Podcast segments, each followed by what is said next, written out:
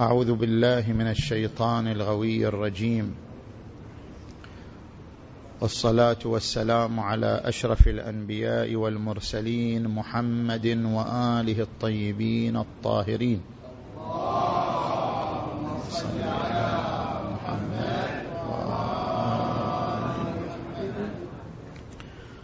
ورد عن النبي صلى الله عليه وآله أنه قال حسين مني وأنا من حسين.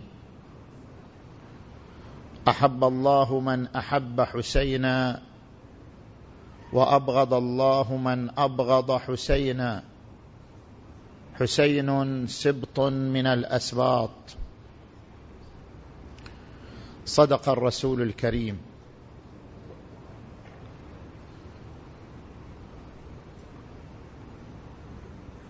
إن هذا التعبير الذي عبر به النبي الأعظم صلى الله عليه وآله في حق الحسين بن علي حيث قال حسين مني وأنا من حسين. هو تعبير عن المسانخة والمشاركة. فعندما تريد أن تعبر عن أن شخصا معين يسانخك ويشاركك ويتحد معك في صفات معينة فإنك تستخدم هذا التعبير فتقول فلان مني وأنا منه إشارة إلى المسانخة والمشاكلة بين الوجودين وبين الطرفين. والنبي الأعظم صلى الله عليه وآله يريد أن يرشد إلى المسانخة بين هذين النورين النور المحمدي والنور الحسيني. وحديثنا عن هذه المسانخة في محورين المحور الأول في المسانخة بينهما في الوجود وفي الصفة. أما المسانخة بين النورين المحمدي والحسيني في الوجود فكما أن النبي المصطفى صلى الله عليه وآله مر بمراحل ثلاث في وجوده. مر بمرحلة الوجود النوري حيث كان نورا محيطا بساق العرش. وقد ورد عنه صلى الله عليه وآله إن أول ما خلق الله نوري واشتق منه نور الخلائق. والمرحلة الثانية الوجود الذري حيث تحول ذلك النور إلى روح تهلل الله وتسبحه في عالم الذر. ثم انتقل إلى المرحلة الثالثة وهي الوجود المادي الطاهر. خرج إلى الدنيا وجودا طاهرا من الدنس غير ملوث بالعيب. في هذه الوجودات الثلاث في الوجود النوري وفي الوجود الذري وفي الوجود المادي الطاهر كانت هناك مسانخة بين الحسين وبين جده محمد.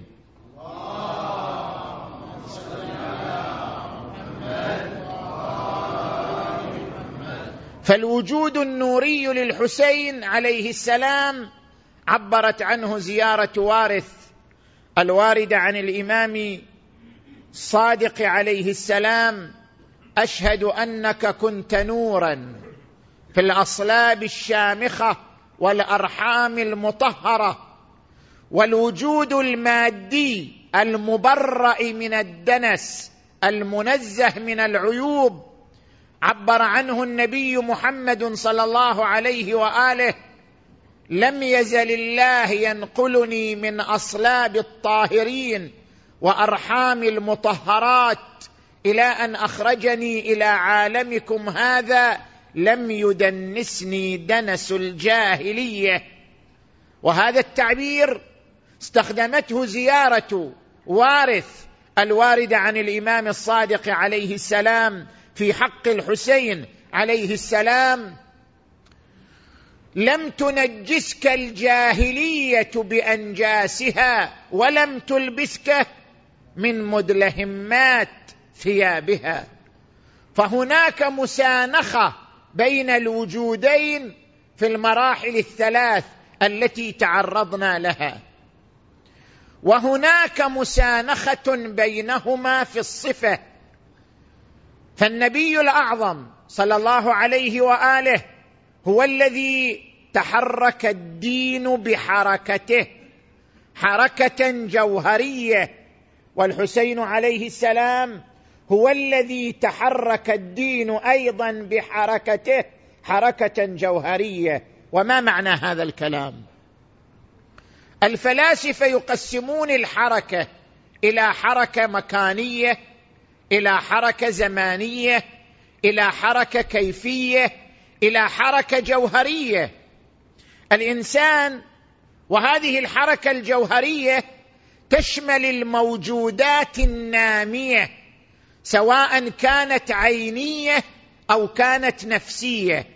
أضرب لك أمثلة. النبات من الموجودات النامية العينية يخضع للحركة. هذا النبات عندما تزرع البذرة في التراب فتبدأ البذرة بالتفرع. يعيش النبات حركة مكانية إذ ينتقل من تحت الأرض إلى ما فوق الأرض. ويعيش النبات حركة كيفية إذ ينتقل من لون إلى لون ينتقل من لون الخضرة إلى لون الصفرة إلى لون الحمره هذه التفاحة تتحرك في ألوان متعددة وهذه حركة كيفية وإن لم تكن حركة مكانية. وأيضا يستمر هذا النبات أشهر إلى أن يثمر وإلى أن ينتج فهو يعيش حركة زمانية أيضا. ووراء هذه الحركات كلها هناك حركة جوهرية بمعنى أن جوهر النبات ينمو ويصعد في حد نفسه. هذه الحركة في صميم ذرة النبات في صميم بذرة النبات تسمى بالحركة الجوهرية. الفكر يخضع للحركة الجوهرية. الطب كان طبا عاما ثم تحول الطب بتراكم الخبرات والثقافات إلى اختصاصات متعددة. فالطب خضع لحركة جوهرية أيضا إلى أن تحول إلى اختصاصات متعددة. فالطب فكر خضع للحركة الجوهرية في صميم ذاته إلى أن تحول إلى علوم مختلفة. الفلاسفة يقولون الموجودات النامية عينية أو نفسية تخضع للحركة ومنها الحركة الجوهرية. الإنسان أيضا يخضع للحركة بتمام أقسامها. هذا الإنسان يعيش حركة مكانية. كان هذا الإنسان جنينا في بطن أمه أصبح هذا الإنسان متحركا على الأرض. هذا الإنسان يعيش حركة زمانية من طفولة إلى كهولة إلى شباب إلى كهولة إلى شيخوخة إلى أن ينقضي عمره. هذا الإنسان يعيش حركة كيفية. شكله يتبدل جسمه يتبدل. من سن إلى سن ومن مرحلة إلى مرحلة. هذا الإنسان يعيش حركة جوهرية أيضا. هذا الإنسان قطعا سيتحول من جاهل إلى عالم من شخص يفتقر إلى الخبرة إلى شخص خبير من شخص مجرب من شخص غير مجرب إلى شخص مجرب.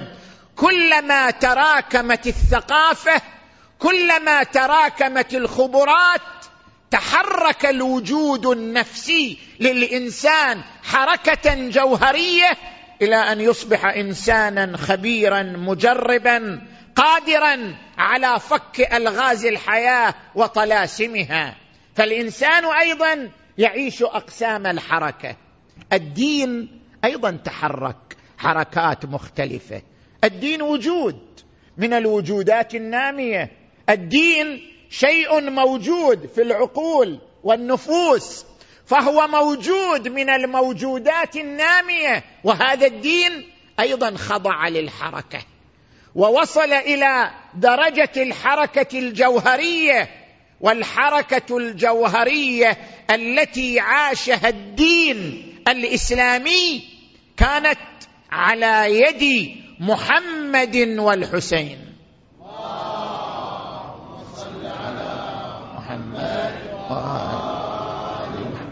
صلى الله عليهما وآلهما. الدين تحرك بحركة النبي.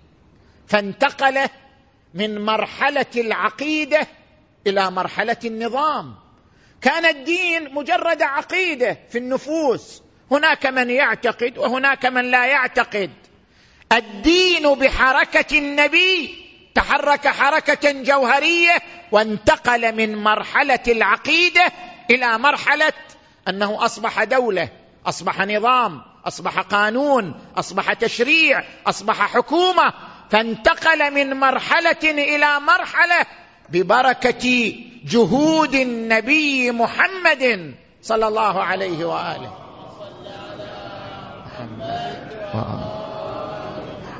إنا فتحنا لك فتحا مبينا ليغفر لك الله ما تقدم من ذنبك وما تأخر ويتم نعمته عليك ويهديك صراطا مستقيما وينصرك الله. نصرا عزيزا. الحركة للدين أيضا تمت بالحسين بن علي. الحسين نقل الدين من مرحلة إلى مرحلة أخرى. تحرك الدين بحركة الحسين من مرحلة لمرحلة أخرى. تحرك الدين من مرحلة الأخذ إلى مرحلة العطاء. المسلمون كانوا يتعاملون مع الدين بالأخذ لا بالعطاء. كان المؤمنون يأخذون من الدين ولا يعطون الدين شيئا. المؤمن عندما يصلي هو يأخذ من الصلاة لأنه يعطي الصلاة. المؤمن عندما يصلي يأخذ من الصلاة السكينة. والهدوء والاستقرار ألا بذكر الله تطمئن القلوب. المؤمن عندما يتصدق يأخذ من الصدقة الثواب والأجر. المؤمن يأخذ من الدين ولكن ماذا أعطى الدين؟ الحسين بن علي نقل الدين بحركة جوهرية من مرحلة الأخذ إلى مرحلة العطاء. قال أنا أعطي الدين دمي ونفسي وأهلي وأولادي وقدم ما عنده للدين صلوات الله عليه وآله. فنقل الدين من مرحلة إلى مرحلة أخرى وتحرك الدين بدمه المتدفق على أرض كربلاء حركة جوهرية صميمية من مرحلة الأخذ. إلى مرحلة العطاء ومرحلة البذل ومرحلة التضحية. إلهي تركت الخلق طرا في هواك وأيتمت العيال لكي أراك. فلو قطعتني في الحب اربا لما مال الفؤاد إلى سواك.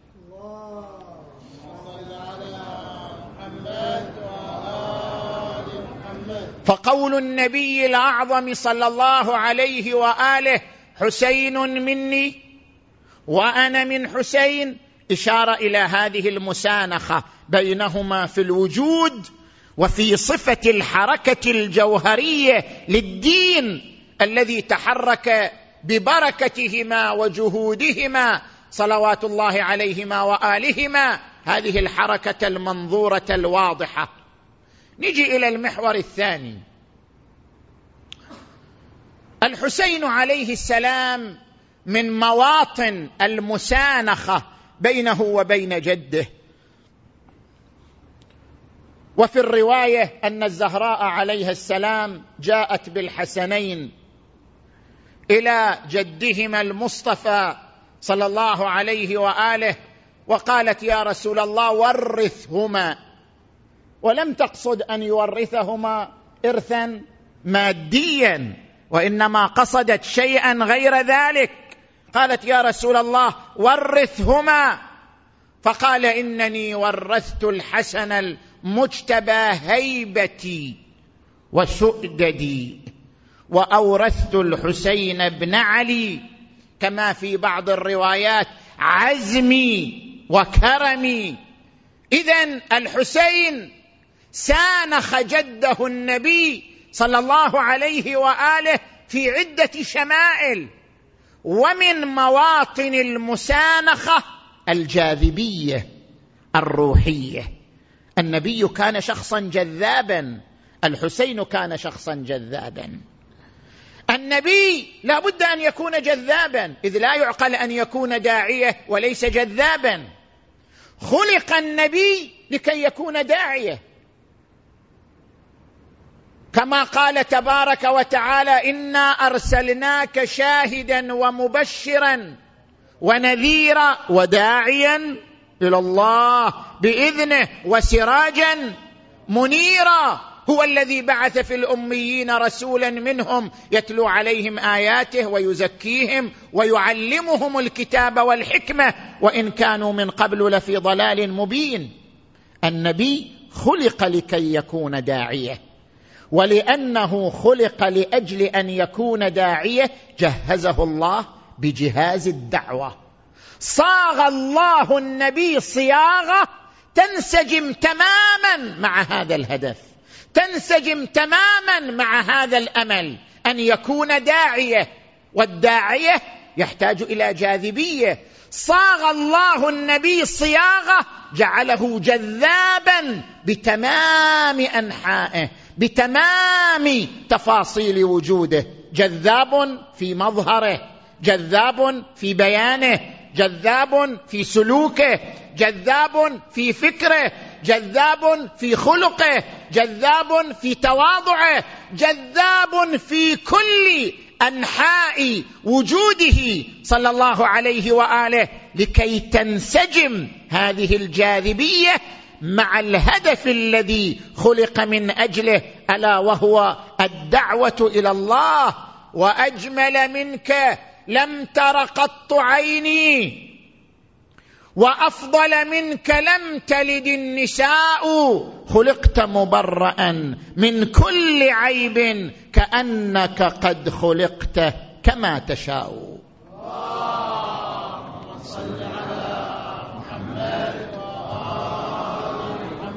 وهذه الجاذبية الروحية للنبي الأعظم صلى الله عليه وآله امتدت إلى الحسين بن علي.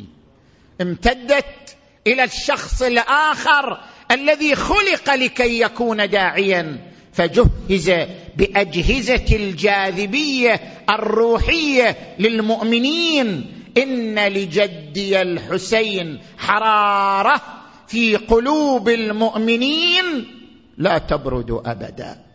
وهذا إشارة إلى جاذبيته. عندما نقرأ ثورة الحسين ثورة الحسين هي سر جاذبيته. وثورة الحسين تضمنت ملامح للجاذبية الروحية للحسين عليه السلام. ومن أهم هذه الملامح التي قد لا يركز عليها خطباؤنا ومنابرنا من أهم الملامح المبينة لسر جاذبية ثورة الحسين عليه السلام العنصر الإنساني. ثورة الحسين ثورة إنسانية بكل ما للكلمة من معنى. عندما نقارن ثورة الحسين بغيره نجد العنصر الإنساني واضحا متجليا في ثورة الحسين عليه السلام. وأنا أشير إلى بعض الملامح للعنصر الإنساني في ثورة الحسين عليه السلام. الملمح الأول عدم استغلال المشاعر. إذا قرأنا الثورات نجد أن قادة الثورات دائما يدغدغون مشاعر الجمهور ويركزون على الأحلام الوردية للجمهور.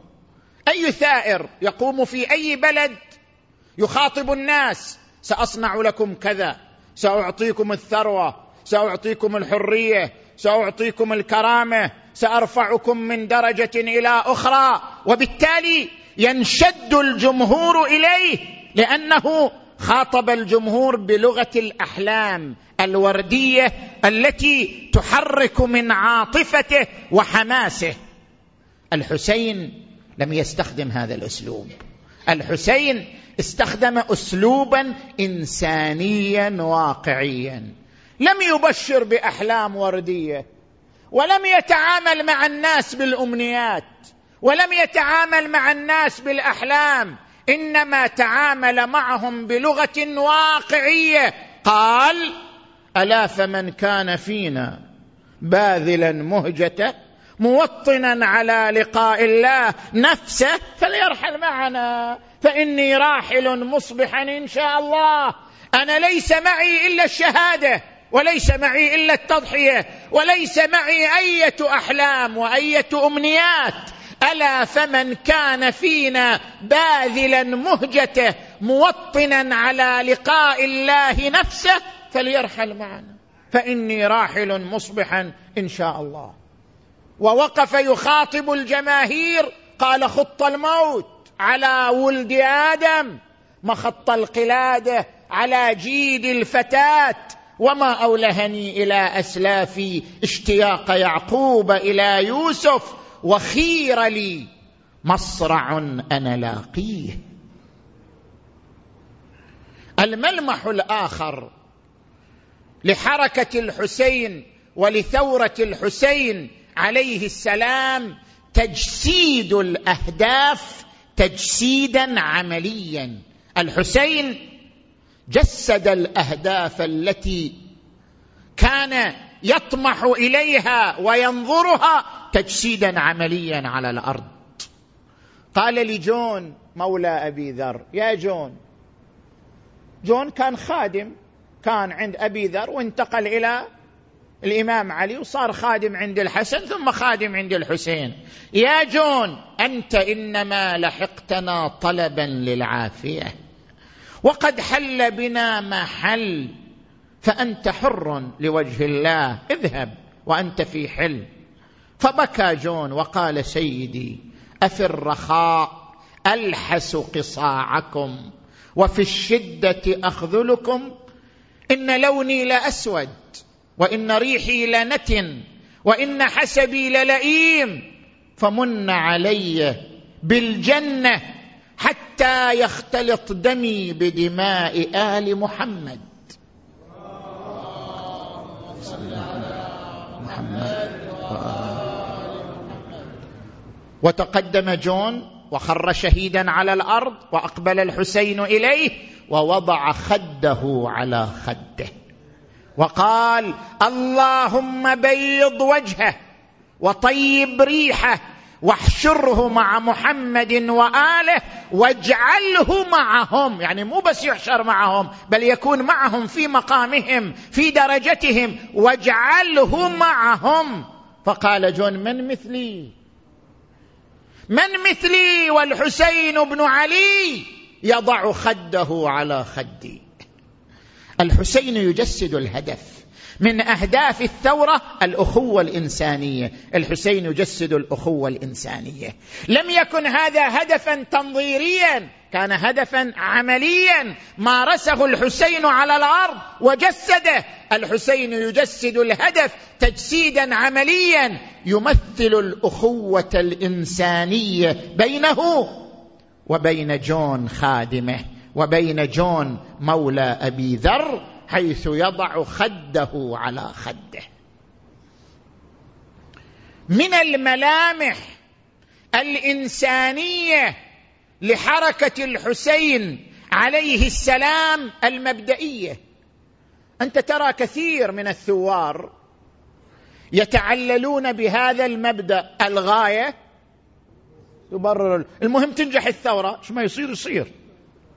الغاية تبرر الوسيلة. من الممكن أن يتجاوز المحظورات من الممكن أن يتجاوز المقدسات لكي تنجح الحركة. لكن الحسين عليه السلام قال أنا مبدئي من الأول إلى الأخير وأنا لا أتعامل بهذه اللغة. الغاية تبرر الوسيلة بل أتعامل بلغة مبدئية في تمام تفاصيل الحركة.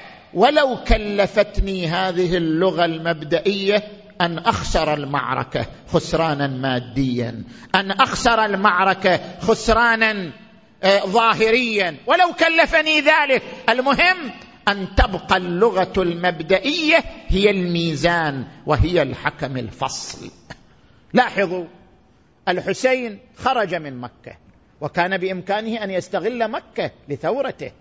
لو أن الحسين صرخ وهو في مكة لربما كانت ثورته أقوى لأنه سيصرخ والحجيج مجتمعون لأنه سيحمى من قبل القبائل العربية المختلفة إذا كان في مكة لأنه إذا أصدر صرخته في مكة كان ذلك أكثر صدى وأكثر أمنا. لكن الحسين قال لأخيه محمد بن الحنفية إني أخشى أن أكون الذي تستباح به حرمة الكعبة. أنا لا أقوم بذلك. أنا لا أتجاوز المقدسات لأجل حركتي ولأجل ثورتي. أنا لا أتجاوز المقدسات. أخشى أن أكون الذي تستباح به حرمة الكعبة. وأصر على أن يغادر إلى منطقة أخرى. يصدح فيها بصرخته المباركة صلوات الله عليه وآله. لاحظوا الحسين يوم عاشوراء. والقتال قائم وهو يعيد لنا الصورة التي تكررت لأبيه المرتضى يوم صفين ليجسد لنا الروح المبدئية التي تمثلت في شخصيته المباركة. قال قولوا لهؤلاء القوم يمهلوننا حتى نصلي لربنا. ودخل الحسين في الصلاة ورشقته السهام وهو يصلي فهو يريد أن يقول إن من أهدافنا الصلاة وإن من مبادئنا الصلاة فكيف نغض الطرف عن مبادئنا لأجل ساعة نحرز فيها النصر والغلبة؟ ليس الأمر كذلك. كما قال أبوه الإمام أمير المؤمنين عليه السلام عندما صلى يوم صفين والحرب قائمة على قدم وساق قال على ما نقاتلهم؟ إنما نقاتلهم لأجل الصلاة. والحسين يجسد المبدأ أيضا. من الملامح للعنصر الإنساني في حركة الحسين عليه السلام النبل. النبل الانساني بما له من معنى الكلمة. أنتم تعرفون أن الحسين نصح عمر بن سعد. وما هو الداعي لنصح عمر بن سعد؟ الحسين يطلب عمر بن سعد ويجلس معه لينصحه. والحسين يعلم أن عمر بن سعد لو تراجع سيأتي من هو؟ أشد شرا منه. وكان هناك متنافسون على قيادة المعركة. وكان عمر بن سعد ينافسه الشمر وينافسه شبث بن ربعي وغيره من الطامعين في جوائز يزيد بن معاوية مع هذه المنافسة الحادة. الحسين عليه السلام مع ذلك طلب عمر بن سعد لينصحه. وقال له يا ابن سعد أنصحك بالله أن ترجع عن سفك دمي وأنت تعلم مك وأنت تعلم نسبي ومقامي. فقال يا أبا عبد الله أخاف أن تهدم داري. قال أنا ابنيها لك قال يا أبا عبد الله أخاف أن أخسر أملاكي. قال أنا أعوضها لك بما لي في المدينة. وقام يتعلل يا أبا عبد الله كل ساعة علة. والحسين ينصحه بكل ما أمكن من أسلوب إعادته إلى رشده فلم يفلح ذلك فيه. ما قصد الحسين بذلك إلا بيان النبل والمروءة. لعدو صمم على قتاله وصمم على مواجهته.